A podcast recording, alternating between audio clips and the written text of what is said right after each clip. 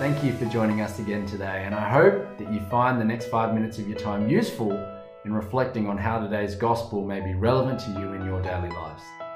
You see, there was a man who reached his 100th birthday and was being interviewed by a reporter, and the reporter asked him, What are you most proud of? And the man said, Well, there's one thing that I don't have in this world, and that is that I don't have a single enemy. And the reporter said, Wow, that's amazing. How inspirational. Something that we should all work towards. And the man said, Yep, it's simply because I've outlived every single one of them.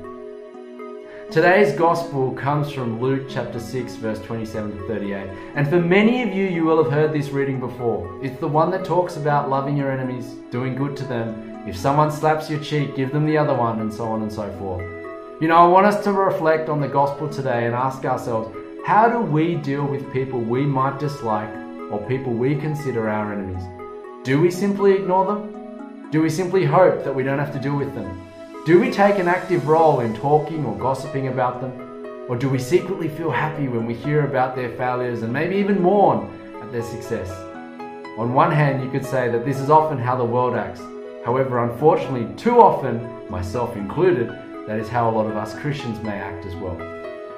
In the gospel today, Christ teaches us how we are to treat our enemies. The passage contains truths about how Jesus lived, and as followers of Christ, how we should live too.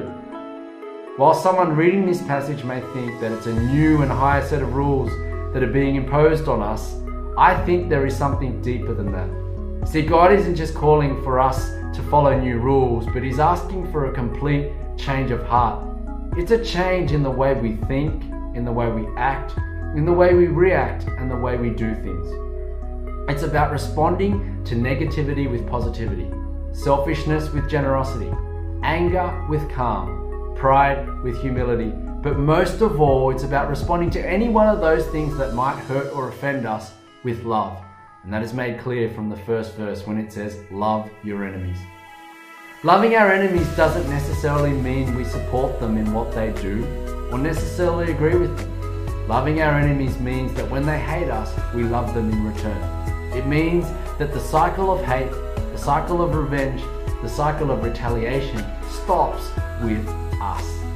You can be angry at a person for what they do and yet still love them. We see a number of examples where Jesus himself showed his anger towards the people, but it never meant that he ever stopped loving them. Jesus, as always, is our best example for how to live out such principles. You see, there will be times when we may disappoint God in our actions, where we might figuratively slap his cheek, where we might take something and not give it back. But we too know that God will never react in such a way that does not reflect the true love that he has for us. We have to also remember that love is not necessarily saying yes to everything. And as a father of a young child, it would not be loving to simply give him everything that he wants.